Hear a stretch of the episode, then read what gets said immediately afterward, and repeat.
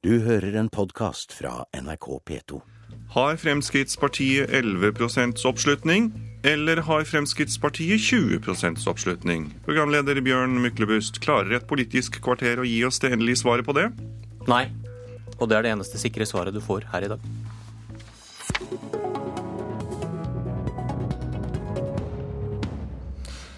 En av de mest spennende kurvene å følge fram mot valget burde være oppslutningen til Frp fra måned til måned.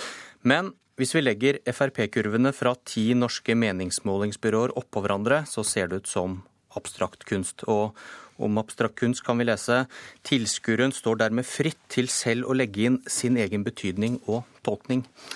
Erling Eriksen i Norstat, dere gjennomfører NRK sine partimålinger. Dere mener Fremskrittspartiet hadde 20,4% av velgerne i ryggen i mars. Hvordan kom dere fram til det? Uh, ja, vi får gjøre dette så enkelt som mulig. Uh, det er ikke veldig mye hokus pokus. Uh, når vi lager partibarometeret, så starter man med å trekke et tilfeldig utvalg nordmenn, som man så ringer opp på telefon. De får spørsmål om hvilket parti de stemte på ved forrige stortingsvalg, og hvilket parti de ville stemme på dersom det var stortingsvalg i morgen. Så samler man da inn eh, disse dataene telefonisk, eh, ser på utvalget. Dersom man har eh, for få velgere i ett parti, altså at man har for få mennesker i forhold til fasiten på forrige stortingsvalg, så vil det partiet få seg en liten vektedytt i ryggen. Og hvis man har for mange i et parti, f.eks. at man hadde for mange Høyre-velgere, så vil man trekke Høyre litt ned. Dere justerer da i forhold til stortingsvalget i 2009? Det er helt korrekt og da er oppslutningen 20,4% Så må vi ta med feilmarginer i begge retninger, men svaret på spørsmålet ditt er ja. Tore Gaard Olaussen i Respons Analyse. Dere gjør partimålingene til Aftenposten, og dere mener Fremskrittspartiet hadde 11,7 av velgerne i ryggen i mars. Og hvordan kom dere fram til det? Ja, vi eh, gjør det ikke så eh, mye annerledes enn eh, Norstat, men vi gjør det annerledes på ett viktig punkt. Og det er det at vi spør, Når det gjelder referansevalget, så spør vi om eh, kommunevalget i 2011, og ikke stortingsvalget i 2009. Og Bakgrunnen for at eh, vi eh, valgte å gjøre det etter kommunevalget i 2011, det var etter en gjennomgang av alle målingene våre foran kommunevalget 2011. Eh, både nasjonale fylkesmålinger og eh, målinger i de største byene.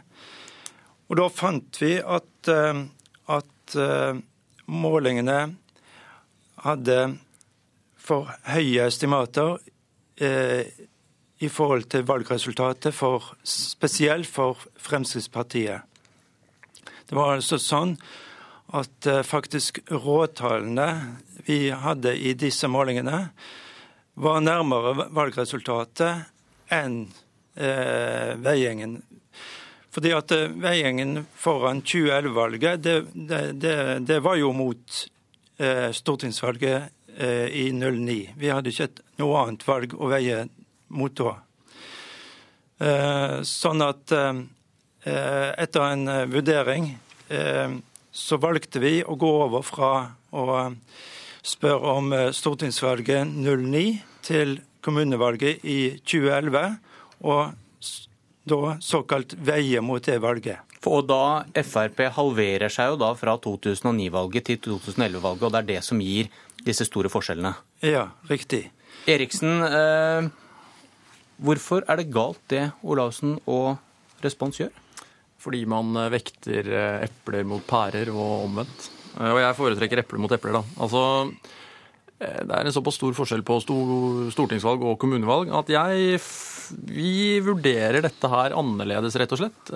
Halvering av Frp eller ikke, så tror jeg det blir Jeg opplever det i hvert fall som merkelig å vekte et stortingsvalg mot et kommunevalg, selv om, man, selv om det nødvendigvis skjer justeringer fra kommunevalg til stortingsvalg. Men det er jo nettopp eh, altså, hva skal man si, en grunn til å holde stortingsvalg mot stortingsvalg og kommunevalg mot kommunevalg, etter mitt skjønn.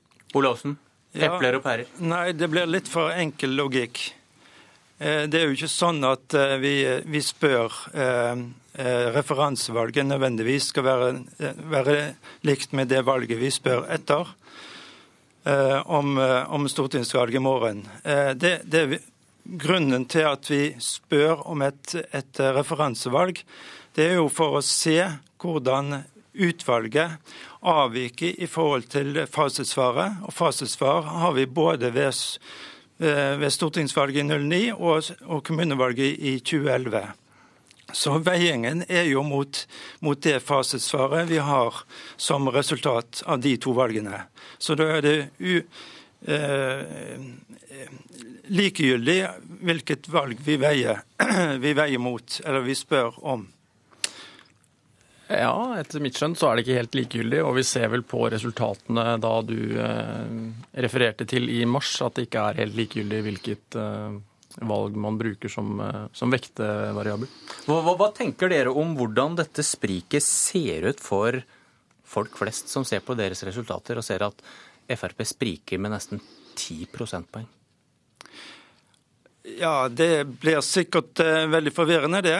Men, uh, men uh, en, en må jo gjøre en vurdering av, av metoden, og vi har landet på, eh, på, det, på det, standpunktet vi, vi har gjort, eh, ut ifra en eh, vurdering av eh, målingene foran 2011-valget.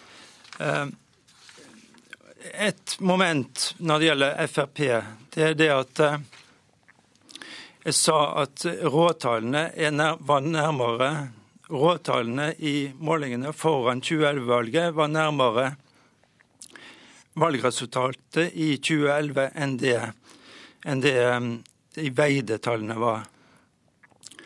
Og På mange måter så, så er råtallet nå eh, som, vi, som vi måler i dag, det er mer likt med det tallet som vi hadde foran 2011-valget.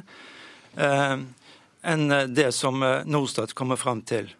Altså, Det nivået på råtallene som vi har inne nå, det er nokså likt med de, det råtallet vi hadde foran 2011-valget, som var eh, nærmere valgresultatet enn barometertallene. Dere har valgt to ulike valg å da justere deres målinger etter. Bernt Årdal fra Institutt for samfunnsforskning, det er du som ofte lager den abstrakte kunsten og sammenligner disse målingene. Og tusenkronersspørsmålet hvem av disse har rett? Nei, Det er jo det som er problemet, at det vet vi ikke per i dag. Eh, det er jo flere, det er i hvert fall ett institutt til som bruker samme veiemetode som respons, nemlig Infact, som publiseres i VG. Eh, så det betyr jo at det vi vanligvis ser når vi, bruker, når vi regner gjennomsnitt, er jo at det er litt sånn opp og ned i forhold til hvilket institutt som ligger høyest og lavest. og Dette kan jo variere litt over tid også. Men de sprikene vi nå ser, de, de er større enn det vi har sett tidligere. Men det er ikke noe nytt at det særlig for Fremskrittspartiet spriker. Det har vi sett tidligere også.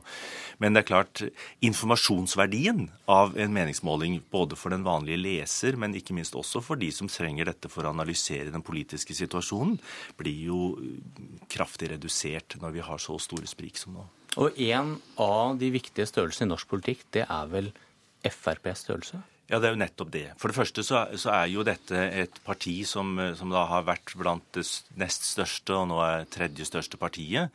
Eh, så det i seg selv gir det en egen tyngde.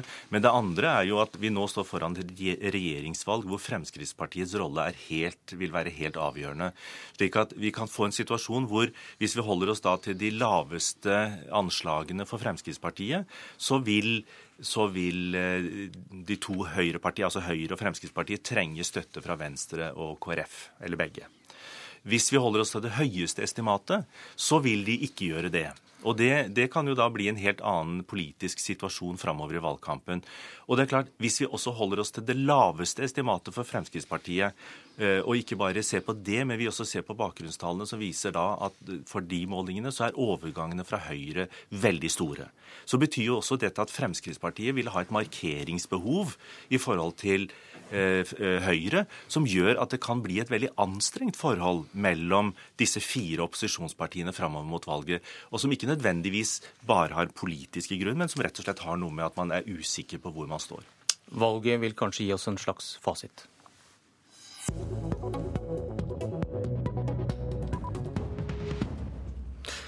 Hvordan påvirker et personlig engasjement i en sak regjeringens politikk?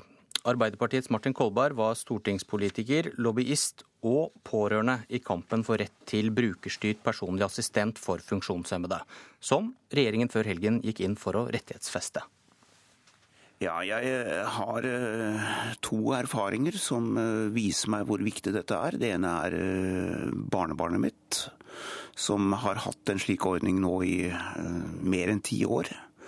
Og som har gitt henne trygghet i hverdagen og en frihet som jeg tror ellers ikke Jeg vil si, jeg trekker tilbake uttrykket 'tror'. Jeg vet ikke ville gitt henne den samme kvaliteten i livet om hun ikke hadde hatt det.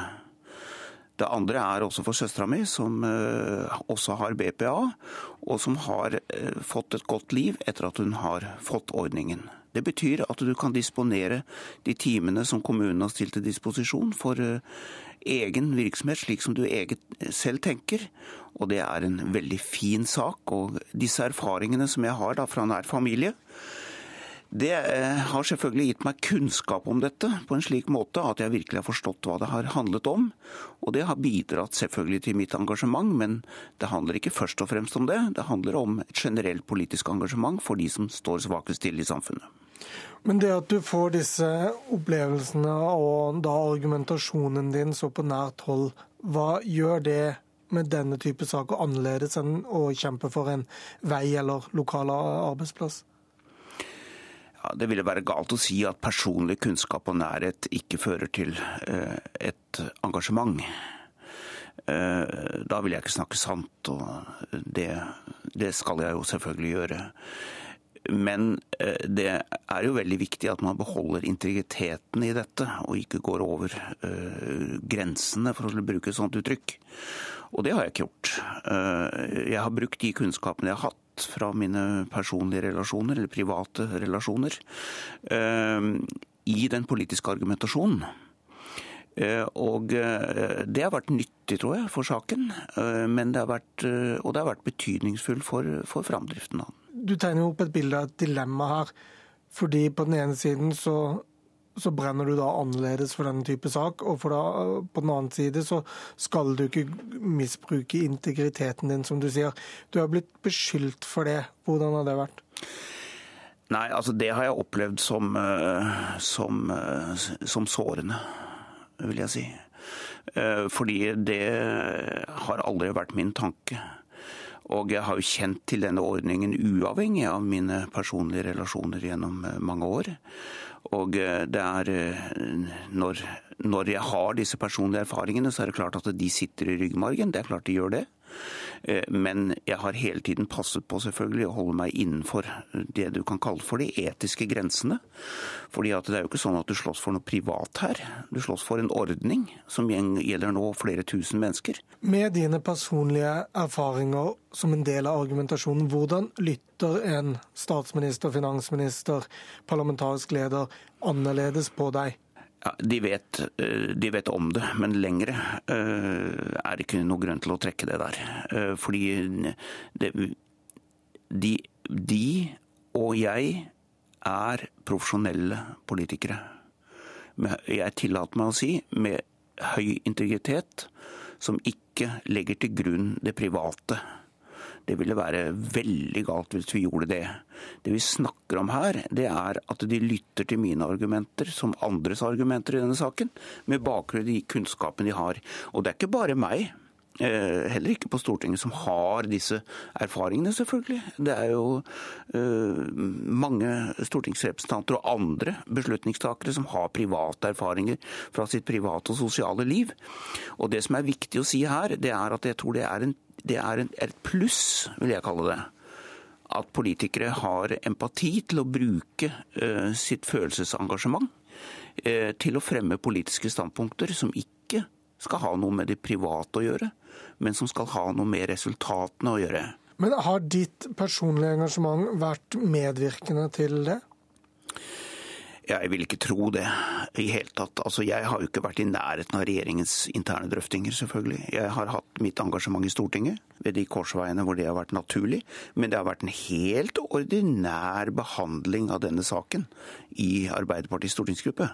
Den har vært i de organene den skulle være i, eh, slik som alle andre saker er.